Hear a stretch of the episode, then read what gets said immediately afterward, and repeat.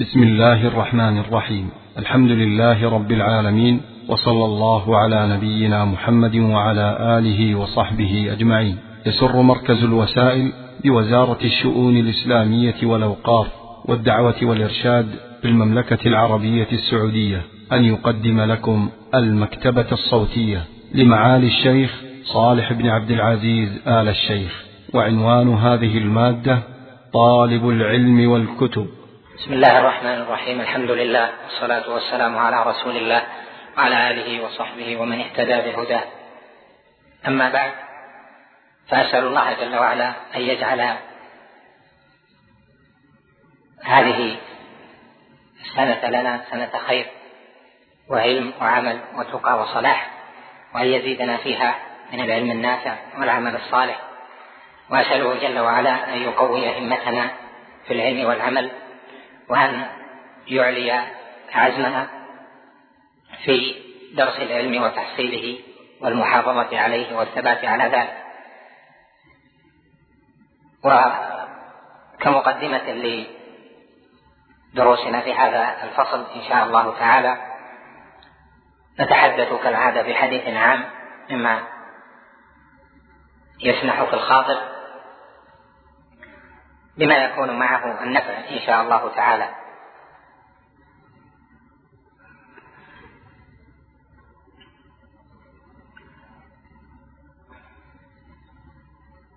حديثنا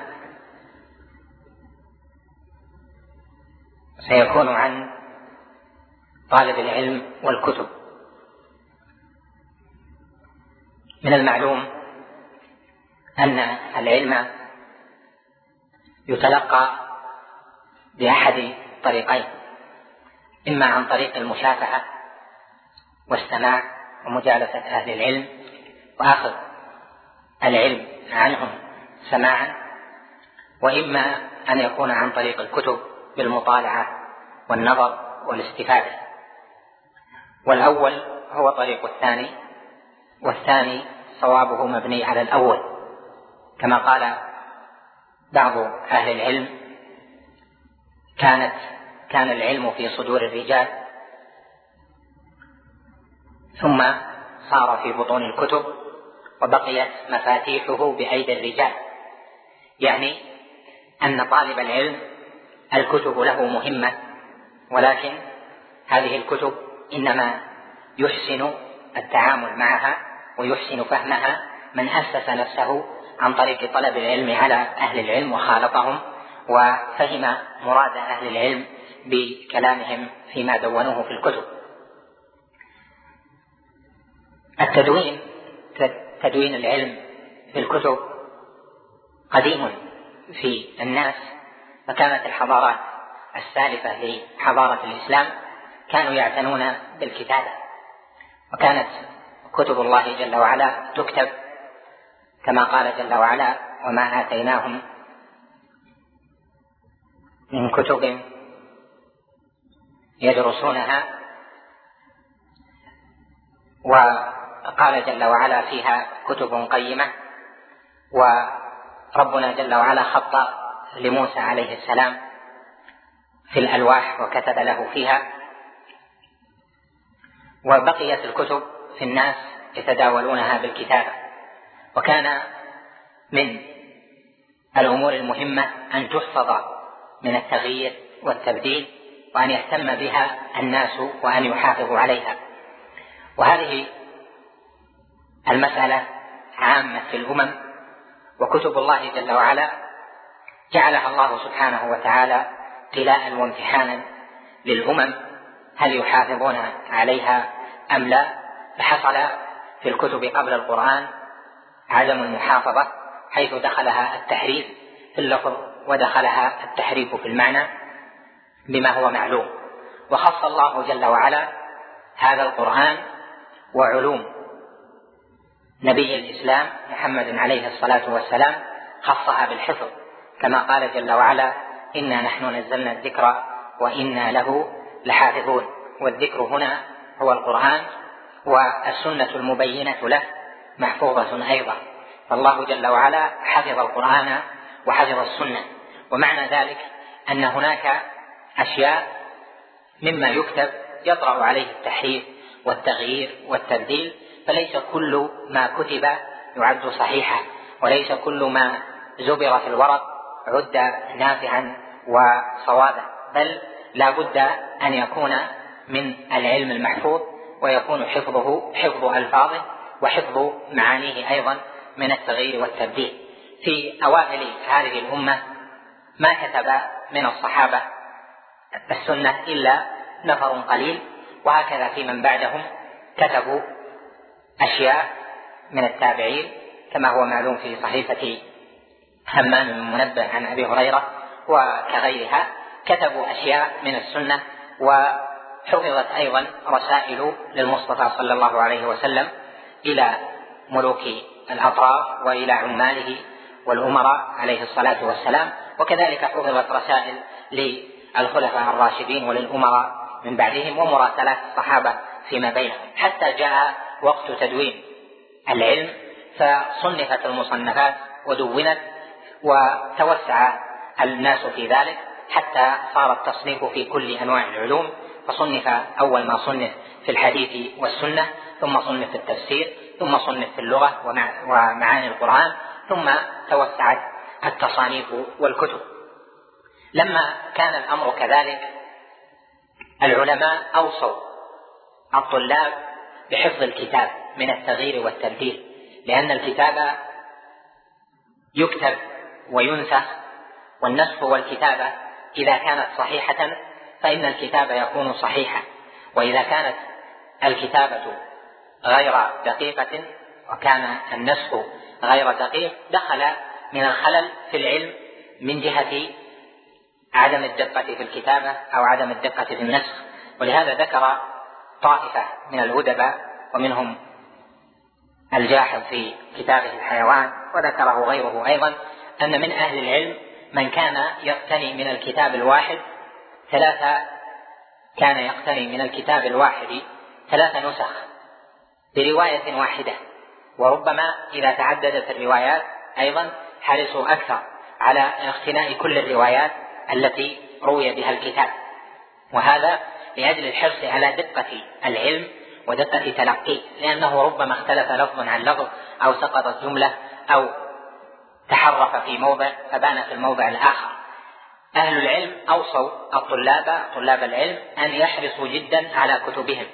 بأن يكون الكتاب محفوظا من التغيير والتبديل وأن يكون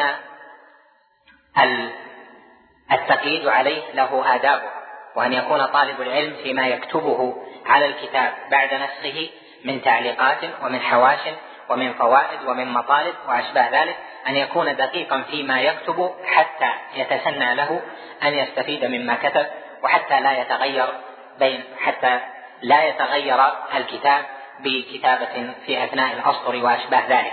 لهذا جعل أهل العلم في كتب الرواية وكتب طلب العلم جعلوا آدابا لطالب العلم في تعامله مع الكتاب. فالكتاب لطالب العلم أشبه ما يكون بأحد أعضائه. فكتب طالب العلم خلاياه التي يعيش بها وهي سمعه وبصره الذي لو فقده لا ضعف في العلم شيئا فشيئا.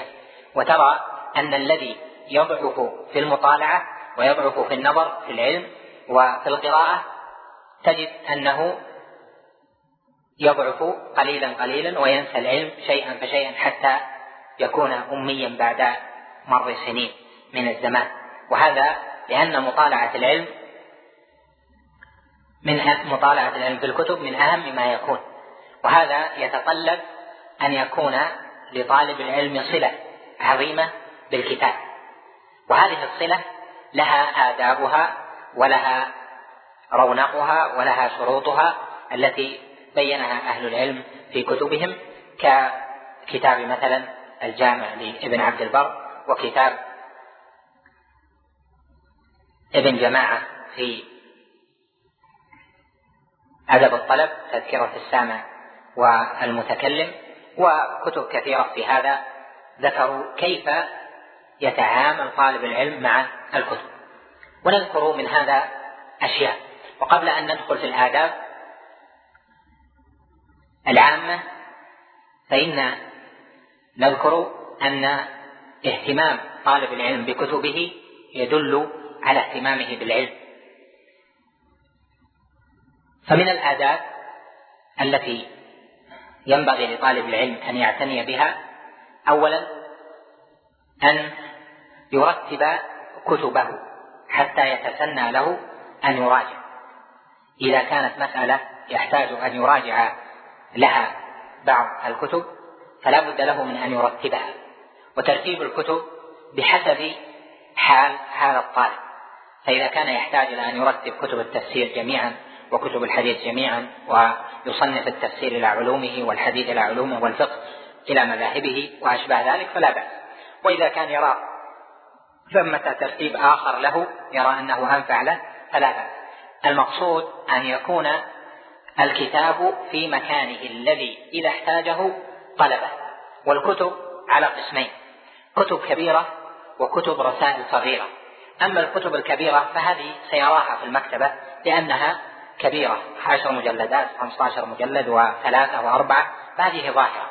ولكن الذي يحتاج إلى العناية به الرسائل الصغيرة التي هي مهمة وربما يكون فيها من العلم ما ليس في الكتب الكبار. إذا احتاج أن يراجع كتابا منها أو رسالة فبحث عنه لا يجده. لما؟ لأنه ما وضعه في مكانه المناسب. وهذه الرسائل الصغيرة ينبغي أن يهتم بها في أن تكون في مكان مستقل. يعني أن لا تكون ضمن البحوث أو ضمن الكتب الكبيرة. فيضع كتاب كبير وبجنبه كتاب صغير عبارة عن أوراق وبجنبه كتاب رسالة 40 صفحة و50 صفحة إلى آخره. وهذا النوع اعتنى به العلماء حيث وضعوا له ما أسموه بالمجاميع. ترون في فهارس المخطوطات بما يسمى مجموع. المجموع عبارة عن مجلد أو أكثر فيه عشر رسائل أو أو فيه اثنا عشرة رسالة أو أكثر من ذلك. فإذا تهيأ لطالب العلم أن يجمع هذه الرسائل الصغيرة في مجموع ويجمع النظائر في مجلد ليجعل الرسائل التي في آداب طلب العلم في مجلد مستقل أو الرسائل التي في مصطلح الحديث الصغيرة في مجلد مستقل أو الرسائل التي في علوم التفسير أو علوم القرآن يجعلها مجموعة أو ما أشبه ذلك. كذلك الكتب والرسائل الفقهية يجعلها مستقلة ومن المناسب في الكتب والرسائل الفقهية أن يبوبها على حسب فنون الفقه. مثلا آه، على حسب أبواب الفقه. مثلا يجعل رسالة في الجنايات في موقعها في الفقه فيرتب الكتب يبتدئ بالرسائل التي في الطهارة ثم الرسائل التي في الصلاة ثم ثم الصلاة أيضا يرتبها في داخلها شروط الصلاة أولا ثم يجعلها ثم الأحكام اللي فيها سجود السهو يجعلها في مكانها التي في الزكاة أيضا يجعلها بعد الصلاة وهكذا في نظائرها يعني أن يرتب هذه الرسائل الصغيرة التي قد لا يصل إليها لو احتاج في خضم كتبه أن يرتبها بحسب موضوعات الفقه. كذلك غير غيرها من العلوم في التاريخ أو في العقيدة أو ما أشبه ذلك يجعل العقيدة العامة مستقلة في الكتب أو الرسائل العامة في العقيدة أو التي تبحث في كتاب في مسألة في العقيدة يرتبها على مباحث العقيدة حتى يتسنى له مراجعة ذلك. إذا أول أدب أن يحسن الترتيب. والترتيب ترتيب المكتبة هو عنوان طالب العلم في عنايته بكتبه. أما إذا أتى وكان المكان متيسرا ووجدت أن الكتب مبعثرة إلى آخره فهذه لها أحد احتمالين إما أن يكون من كثرة بحثه وكثرة مطالعته للكتب جعلها تنتثر وهذا أمر محمود لكن لا بد أن يكون بعدها يرجعها إلى ترتيبها وإما أن يكون هو أصلا غير مرتب. وقد ذكر الحافظ بن حجر في كتابه في قضاة مصر المسمى الذي سماه رفع الإصر عن قضاة مصر ترجم لأحد القضاة قضاة مصر حيث تولى القضاء. وكان يجلس في مكان فيه كتبه وكانت كتبه حسنة التصفيف مصففة بطريقة جميلة.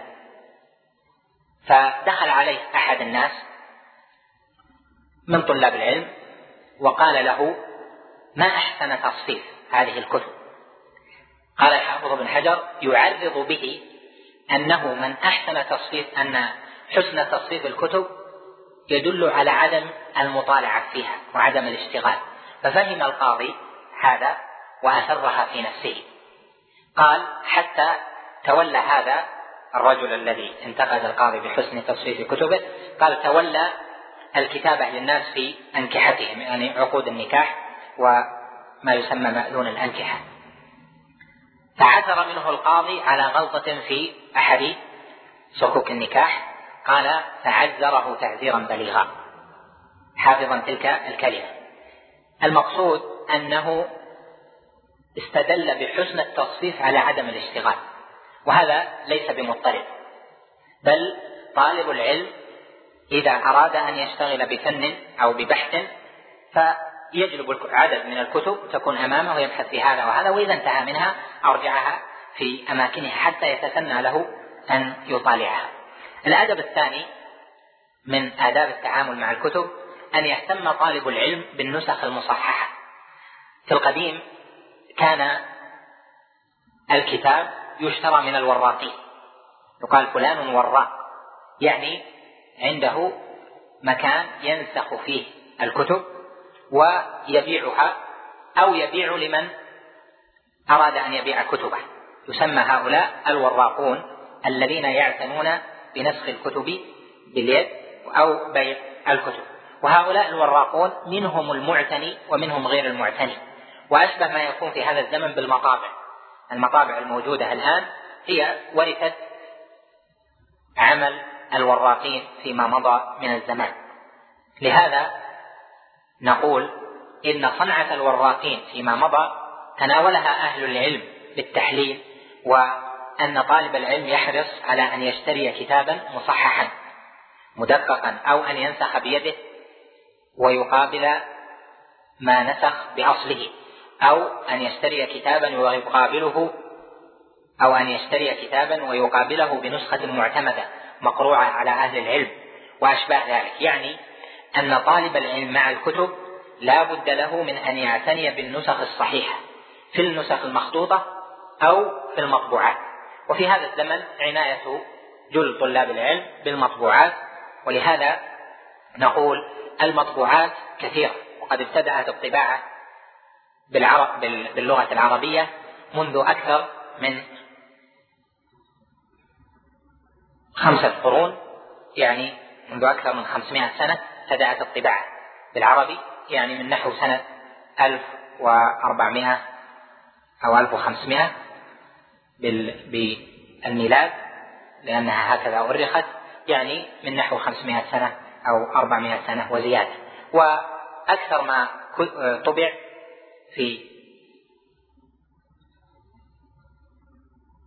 اللغة العربية في البلاد العربية والإسلامية منذ نحو 200 سنة من الزمان وما قبل ذلك تطبع في بلاد الغرب لاهتمامهم بالطباعة. المقصود من هذا أن الكتب طباعتها قديمة واليوم الذي يطرح في السوق أنواع من دور النشر وأنواع من الكتب وأنواع من أسماء المحققين أو أسماء المصححين إلى آخره. ولهذا حصل مرات أنه تنقل عبارات وجمل عن كتب مطبوعة مؤخرا وتكون طباعتها غير صحيحة وغير دقيقة فيقع الخلط كما حصل لي مثلا عدة مرات في قاعات الجامعة من أني أقرر شيء مثلا بناء على نسخة من المطبوعات الصحيحة ويأتي بعض الطلاب مجتهدا ويبرز الكتاب الذي طبع مؤخرا فإذا الكلام الذي فيه غير صحيح فإذا الكلام الذي فيه غير صحيح لأن الطبعات المتأخرة ليست كلها معتنى بها وهكذا الطبعات المتقدمة. إذا فالمطبوعات سواء منها ما طبع قديما أو ما طبع حديثا لا بد لك من البحث هل هذه الطبعة الصحيحة وإذا أردت أن تعتني بشراء كتاب أو أن تعتني بعلم ما فلا بد أن تحصل الكتب الصحيحة المطبوعة بدقة فيه فتسأل أهل العلم أو الذين يعتنون بهذا بهذا الجانب فتقول مثلا الكتاب الفلاني ما النسخة المعتمدة منه؟ مثلا تقول تفسير القرطبي ما أصح نسخ ما أصح نسخه. تفسير الطبري ما أصح نسخه. صحيح البخاري ما أصح نسخ التي تقتنيها وتكون عندك في المكتبة ما تحتاج معها إلى نسخة أخرى. الملاحظ اليوم أنه مع كثرة المطبوعات تجد أن دور النشر تطبع لغرض التجارة بطبعات لا تأمنها. فلهذا ينبغي لك أن تسأل عن الطبعة التي تقتنيها أو الطبعة التي تريد شراءها ولا تشتري أي كتاب طرح أمامك بل تسأل عنه وتعرف دار النشر التي أصدرت وإذا كان اعتنى به أحد المحققين تسأل هل هذا المحقق دقيق أو غير دقيق هل هو تجاري أو غير تجاري. إلى آخر ذلك يعني أن اهتمام طالب العلم بالنسخة الصحيحة التي يقتنيها لا بد منه. تشتري مثلا كتاب بعد السؤال عنه. تقول مثلا تفسير القرطبي النسخة الصحيحة منه ما هي؟ فإذا أجبت عنها على هذا السؤال ذهبت وحرصت وتقتني هذه النسخة سواء كانت مطبوعة أو مصورة أو مطبوعة طبعا حديثا بالكمبيوتر يعني أن تحرص على النسخ الصحيحة. الملاحظ أن من جهة نظري في ما بأيدي الإخوان من الكتب أن كثيرا منها يكون نسخا غير الصحيحة تكون نسخة لكن غير دقيقة. اعتنى بها أحد. الناس عناية لا تسمى عناية أو يقال أنه صححت بمعرفة الناشر أو ما أشبه ذلك ويكون فيها من الأغلاط والسقط وأشبه ذلك ما يعيبها ولا يصلح أن تقتنى لطالب علم يرجع إليها ويبحث من خلالها. إذا فالأدب الثاني أن يحرص طالب العلم على اقتناء النسخ الصحيحة سواء كانت مطبوعة طبعات قديمة أو كانت مطبوعة حديثا المهم أن تكون نسخة صحيحة. فيعرف دور النشر المعتنية الدقيقة ودور النشر التي لا تعتني حتى يميز. يعرف المحققين الذين يتاجرون والمحققون والمحققين الذين يعتنون بتحقيقاتهم. ويعرف أيضا مزايا الطبعات وتعدد الطبعة للكتاب الواحد وميزة هذه على هذه نتفرع من هذا إلى أن طالب العلم الذي يعتني برؤية التحقيقات وما يعمله المتأخرون من حواش وتعليقات لا بد له أيضا أن يعرف طبعات الكتاب. لأنه حصل مثلا أن المحقق يرجع إلى جزء وصفحة فهذا يظن أن الكتاب إنما طبع مرة واحدة. فيذهب يرجع إلى الجزء والصفحة هذه فلا يجده. يقول إن هذا وهم أو غلط أو نحو ذلك. قد يكون الكتاب طبع مئة مرة أو عشرين مرة أو ثلاثين مرة أو خمس أو أربع إلى آخره. فإذا معرفة طالب العلم بطباعة الكتب وعدد مرات طباعته وميزات هذه وهذه هذا أيضا من مكملات العلم ومن ملحه التي هي من الآداب العامة التي ينبغي لطالب العلم العناية بها. الأدب الثالث مع الكتب الحرص على نظافة الكتاب وطريقة حفظه يعني أن يكون الكتاب نظيفا ليس عليه غبار يعلق به أو يكون متسخا أو أن يكون عليه كتابات سيئة أو أن يكون يضعه في موضع غير لائق به يعني أن يضع الكتاب فيما يكون لائقا به. فمما لا يليق بالكتب خاصة كتب أهل العلم التي فيها بيان معاني الكتاب والسنة أن تكون عليها الأتربة أو أن تكون متسخة. تنظيف الكتب هذا دليل توقير ما اشتملت عليه وتعظيم شعائر الله. وقد قال جل وعلا ومن يعظم شعائر الله فإنها من تقوى القلوب. فإذا كان الكتاب في التفسير أو كان في السنة أو كان في الفقه الحلال والحرام أو في العقيدة فإن النفس تنبعث في المحافظة عليه وفي تنظيفه من إجلال الله جل وعلا وإجلال العلم الشرعي الذي هو مأخوذ من الكتاب والسنة. كذلك أن يكون طالب العلم في تعامله مع الكتاب من جهة صيانته وحفظه بألا يتخذه صندوقا لأوراقه رسائله الخاصة أو فواتير التي تكون عنده فواتير كتب أو نحو ذلك فتأخذ وتنظر كتاب كتابا من الكتب فتجد أن فيه فاتورة ورسالة وفيه قلم وفي داخله محاية وفي إلى آخره. قد قال بعض العلماء لا تجعل كتابك بوقا ولا صندوقا. هذا من الأدب المهم مع الكتاب. أن لا تجعله صندوقا يعني أن تجعل فيه الأقلام وتجعله مستودع للفلوس والريالات وتجعله مستودع يعني تفتح الكتاب تجد فيه كل هذا. ثم تلاحظ أن الجلدة تغيرت والكتاب تغير إلى آخره من جراء عدم الصيانة كذلك لا تجعله بوقا يعني لا تلف الكتاب لفا لا يليق به. تأخذه و مثلا مثل هذا الكتاب تجد أن بعضهم يلف الكتاب كذا ويأخذه وأحيانا يفعل فيجعله كأنه بوقا هذا لا يليق لأن الكتاب فيه كلام الله جل وعلا وكلام رسوله صلى الله عليه وسلم. فلا يليق أن يجعل بهذه المثابة. كذلك لا يليق أن توضع عليه كأسماء أو شاة أو ما أشبه ذلك. كتب أهل العلم التي فيها نصوص الكتاب والسنة تجعل أعلى ما تجعل أسفل وتجعل فوقها دفاتر بيضاء وأشباه ذلك. وهذا مما يجعل في القلب تعظيما لكلام الله جل وعلا وكلام رسوله صلى الله عليه وسلم وكل ما استفيد من العلوم من هذين الأصلين. كذلك مما يتعلق بحفظ الكتاب أن ينتبه طالب العلم في طريقة الكتابة على الكتب. أحيانا نرى بعض الكتب يعلق عليها حواشي بحيث أن تضيع فائدتها. وقد نهى العلماء فيما سبق عن الخط الصغير على الكتب. أن تكتب الكتب بخط دقيق أو أن يعلق عليها من الفوائد ما يكون بخط دقيق بحيث إذا أراده طالب العلم لم يتهيأ له أن يستفيد منه. وندم فيما يذكر الإمام أحمد مرة على أنه كتب أحاديث بخط دقيق لما احتاج لها في كبره لم يحسن أن يكتب أن يستخرج تلك الفوائد لأنها كانت بخط صغير وتقارب الحبر مع بعضه حتى فاتت الفائدة. بعض العلماء لا يكون خطه حسنا أو بعض طلاب العلم لا يكون خطه حسنا هذا ليس بعيب لكن أن يرتب الكتابة بحيث تكون بخط واضح. لهذا كان بعض العلماء ممن خطه غير جيد هو نفسه لا يحسن قراءة خطه.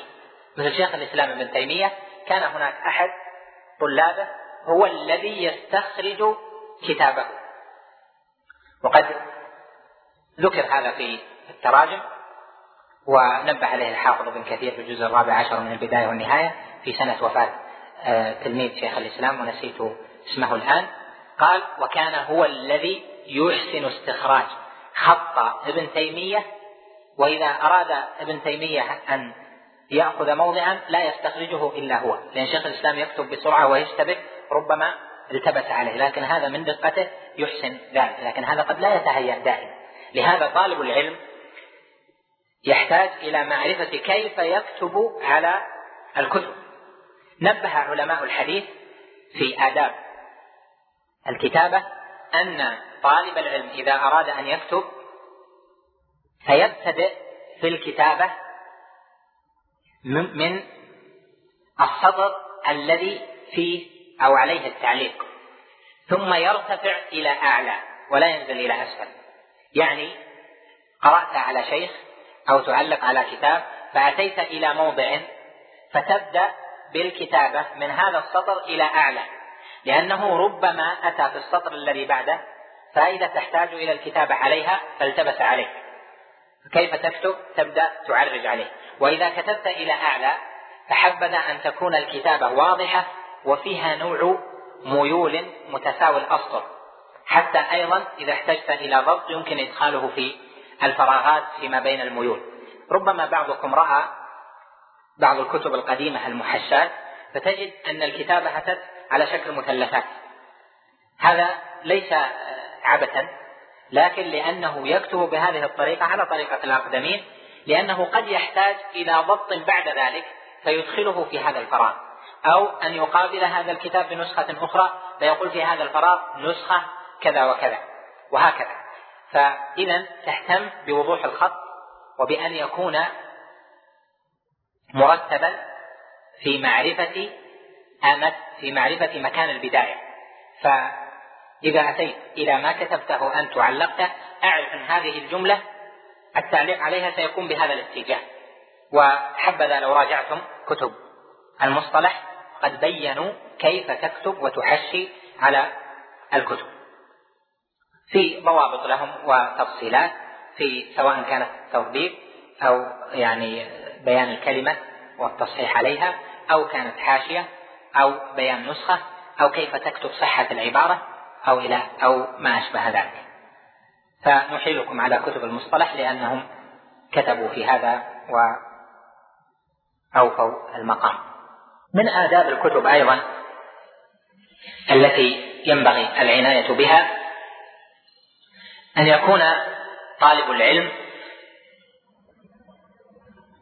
له فوائد ينتخبها من الكتاب يعني أنه إذا قرأ كتابا لا يثق بحافظته وذاكرته ولو كان شبابا. بل فوائد هذا الكتاب ينتخبها في دفتر خاص عنده أو يشير إليها في ديباجة الكتاب في ورقة في أوله بأن يضع شبيها بالفهرس له. لأن هذه الفوائد التي تناسبه قد لا تناسب شخصا آخر. تحتاج أنت إلى أن تراجع ما استفدته من هذا الكتاب.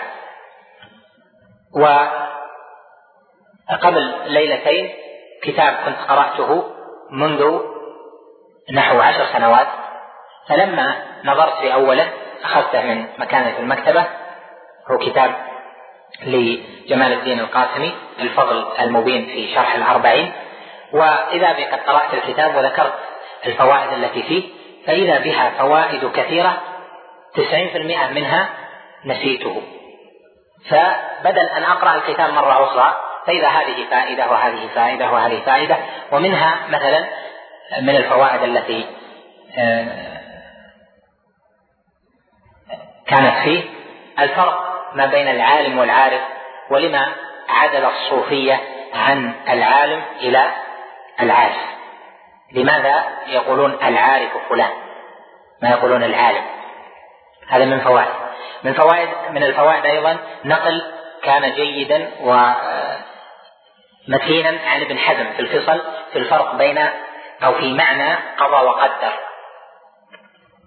وقال في آخره جمال الدين القاسمي مما أتم النقل قال وهذا ألطف ما قيل في معنى قضى وقدر أو القضاء والقدر وأحقه بالقبول وهو كما قال وربما نذكره لكم في مكانه. هذه الفوائد التي تكتبها في صدر الكتاب مهمة. إذا راجعت بعد حين تجد أن الفوائد أمامك. يعني أن الكتب أن الكتاب إذا قرأته أو أن الكتب إذا قرأتها فتنتخب منها ما تراه مفيدا لك وتجعله في صدر الكتاب. في الورقة الأولى على شكل فهرس فيه عبارة مختصرة. وهذا لا شك أنه مهم جدا لطالب العلم. إذا حصل أن تجعل له دفترا خاصا تنتخب فيه ما تحتاجه فهذا مهم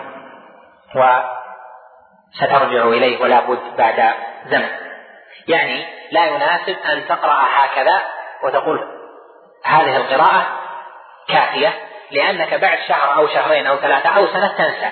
لكن لو قيدت فإنك قد ترجع إليه بعد سنين فتجد أن الفوائد ماثلة أمامك. وكما قيل الفهم عرض يطرأ ويزول.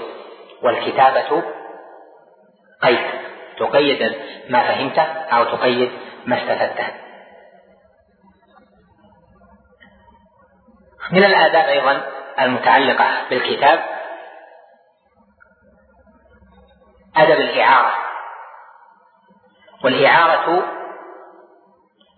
للكتب منهي عنها إلا لمؤتمن عليها لأن كتابك أنت أولى الناس به إلا إذا وجدت من هو حريص على هذه على الكتب وإذا استفاد منها أرجعها وذكر في ترجمة الخطيب البغدادي رحمه الله تعالى أن رجلا طلب منه أن يعيره كتابا. فقال لك ثلاثة أيام. فقال قد لا تكفي. قال قد عددت أوراقه.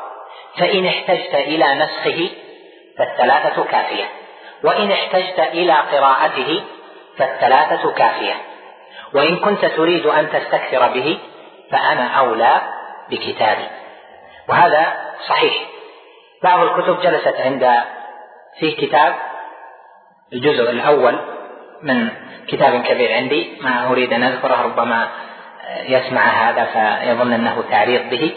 الجزء الأول من كتاب من ثمانية مجلدات استعاره أحد الإخوة وإلى الآن من 12 سنة من 12 سنة ما وصلني. وهو يقول ما أدري أين ذهب. وأيضا الجزء الثامن من كتاب آخر والكتاب ذاك ربما لا آسف عليه كثيرا لكن الجزء الثامن منه له أكثر من عشرين سنة إلى الآن ما رجع. ولذلك قال القائل لا تعيرن كتابا واجعل العذر جوابا. من أعارن كتابا فلعمري ما أصاب. وقال آخر آفة الكتب إعارتها. وقيل لرجل في الهند كون مكتبة عظيمة. قيل له كيف كونت هذه المكتبة؟ قال من استعارة الكتب. قال كيف؟ قال أستعير كتابا فلا أرده فتكونت هذه المكتبة. فقيل له أليس هذا جناية على من استعرت منهم؟ قال من أعار الكتاب فهو مجنون. ومن رد من استعار فهو أكثر جنونا منه وهذا لأن الكتاب الكتاب النفوس متعلقة به. قد ذكر الحافظ بن رجب في مسألة في كتاب القواعد ضمن قاعدة أن الكتب لا قطع في سرقتها. يعني إذا سرق كتابا فعند بعض العلماء لا يقطع لأن فيه شبهة أن الحق في الكتاب للجميع. لهذا قد يأخذ بعض طلبة العلم مثلا أو بعض الزملاء كتاب ويرى أن له حقا فيه خاصة إذا كان وقفا أو كان مهدا إليك أو ما أشبه ذلك فيتساهل فيه يتساهل فيه ثم تخسر أنت الكتاب. فإذا لم تعلم أن هذا الذي طلب الإعارة جاد وسيستفيد منه في أيام يسيرة وليال وإلا فلا تعر الكتاب لأن في إعارته حرمانك من الاستفادة وليس كل مستعير للكتاب مأمونا على الكتاب. فكم استعار أناس وما ردوا الكتب.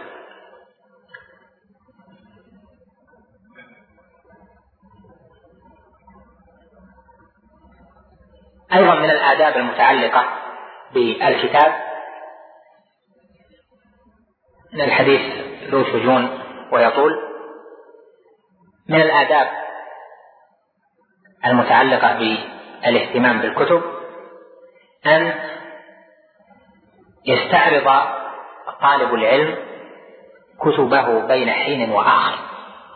يعني أن لا يجمع الكتب دون استعراض لها. يأتي جمع أخذ الكتاب ووضعه. وأخذ الكتاب ووضعه وأخذ الكتاب ووضعه ثم إنما يراجع طائفة قليلة منها. لابد من استعراضها.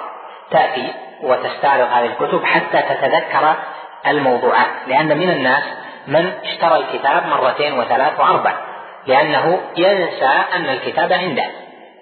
لقلة استعراضه لكتبه. أما لو أنه كثير الاتصال بكتبه خاصة في مثل بلادنا مكتبات بعض الطلاب طلاب العلم كبيرة إذا استعرض كتبه تذكر أن الكتاب عنده.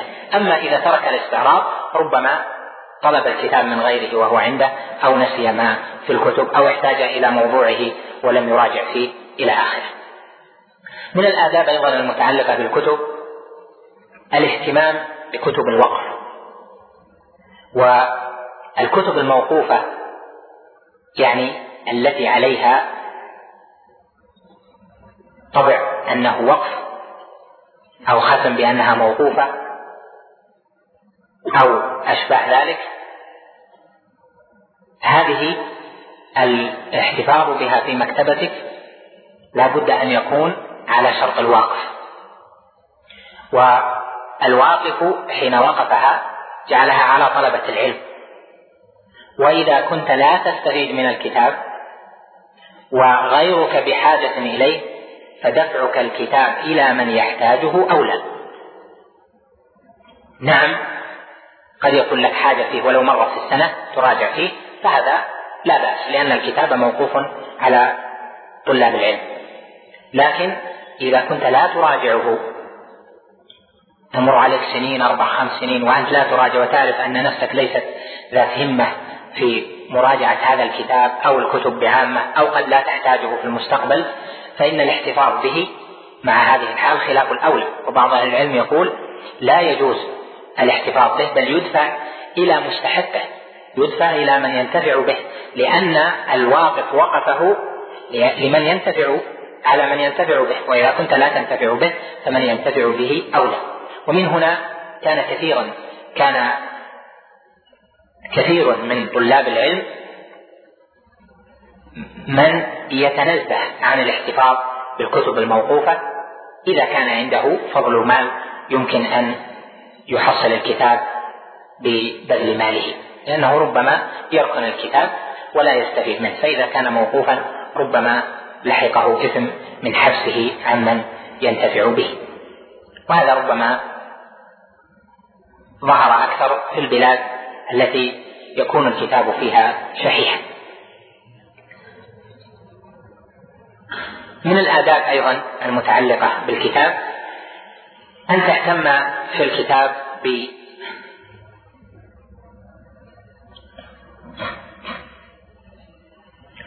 تجليده وبطانته وظهارته حتى يكون الكتاب بالموقع أو بالوضع اللائق به للاستمرار. لأن طالب العلم حين يقتني الكتاب لا بد أو نقول الأفضل له أن يستحضر نوعين من النية. أما الأول فأن ينوي الانتفاع به في تخليص نفسه من الجهل. والثاني أن ينوي أن يستفيد غيره من هذا الكتاب. إما أهله وولده وإما من يكون عنده أو أن يوقف الكتب بعده أو أن يبذلها لغيره بإهداء أو أن يبيعها إلى آخره. وهذا يعني أنه كلما اعتني بالكتاب من جهة جلده والمحافظة عليه بما يبقى أكثر في المستقبل كلما كان ذلك أكثر في الأجر والثواب. من عجائب التفريط في الكتب ما ذكره القسطي صاحب كتاب باه الرواة ربما ذكرته لكم مرة في قصته مع كتابة مع كتاب الأنساب للسمعان. كان حريصا على الكتب جدا وجمع مكتبة من أنفس ما جمع. قال عرض علي كتاب الأنساب للسمعاني بخط مصنفه. الأجزاء الثاني والثالث والرابع والأول مفقود بخط مؤلفه السمعاني وبين القسط والسمعاني نحو مئتين وخمسين عاما أو قريبا منها فاشترى هذه الثلاثة قال اشتريتها فلما مضى مدة من الزمن وهو يظن سأل عن الكتاب عن الجزء الأول وسأل فظن أنه فقد وانتهى. وبخط مصنفه عرضة إلى أنه أعير ففقد أو أنه آه، ضاع أو إلى آخره. قال فمرة جاءه جاءني خادم خادمي جاءه خادمه بصرة من بقول. خضر ما يعني الخضروات هذه بصرة من بقول من بقول وقد لفت بورق كتاب. قال فأخذت الورقة قبل أنا بقول ما له قيمة بالنسبة لهذه الورقة فشغلت بها بسوقيش هذه. قلت فلما نظرت إليها فإذا هو خط السمعان الذي أعرف. فأتيت بنسخة الأنساب فإذا هذا هو فإذا هذا الورق من الجزء الأول المفقود. قال فذهبت سريعا إلى الذي يبيع البقول فوجدت عنده بعض أوراق بقيت من هذا. فقلت له أين بقيت هذه الأوراق؟ قال لففنا بها البقول وتفرقت البيوت. فقال إنا لله وإنا إليه راجعون. مأساة. مصائب قوم عند قوم فوائد هذا يأسى على فقده وذاك فرح لأنه وجد هذه الأوراق التي لا قيمة لها. بخط الحافظ السماني يلف بها البقول ويعطيها الناس. قال فأقمت مناحة أو قال أو قال أو قيل فأقام مناحة شهرا من الزمان على العلم وأهله وعلى كتاب الأنساب للسمعان. نريد من هذا نقول أن الكتاب الكتب لابد من العناية بها من جهة تجديدها من جهة حفظها. هذا وجدها مفرقة فسهل أن تتفرق الأوراق وأن تضيع لكن لو كانت محفوظة مضمون بعضها إلى بعض لكان ذلك أدعى إلى استمرارها في مكتبته والمسائل المتعلقة بذلك كثيرة. لعل فيما ذكرنا تنبيها على بعض ما يحتاج إليه. أسأل الله جل وعلا لي ولكم التوفيق والسداد والصلاح والرشاد وصلى الله وسلم وبارك على نبينا محمد. ننبه إلى أنه هذا الأسبوع عندنا درس الخميس إن شاء الله الصباح بعد صلاة الفجر ودرس يوم الجمعة بعد صلاة العشاء درس يوم الخميس هنا ودرس العشاء في فتح المجيد في مسجد الأمير عبد الرحمن بن عبد الله الذي إمامه خالد الشريمي هنا قريب. وبالنسبة لدرس الأثنين الزاد هذا الأسبوع ما يكون عندنا شيء وننبهكم الأسبوع القادم إن شاء الله على ما يجد في ذلك. يوم السبت ليلة الأحد نكمل كشف الشبهات إن شاء الله تعالى. والسبت ليلة الأحد هذا مثل ما ذكرت الخميس الصباح في الكتب التي كنا نقرأ فيها والجمعة مساء بعد العشاء في كتاب فتح المجيد في أواخره لعلنا ننتهي منه إن شاء الله. الأسابيع القادمة.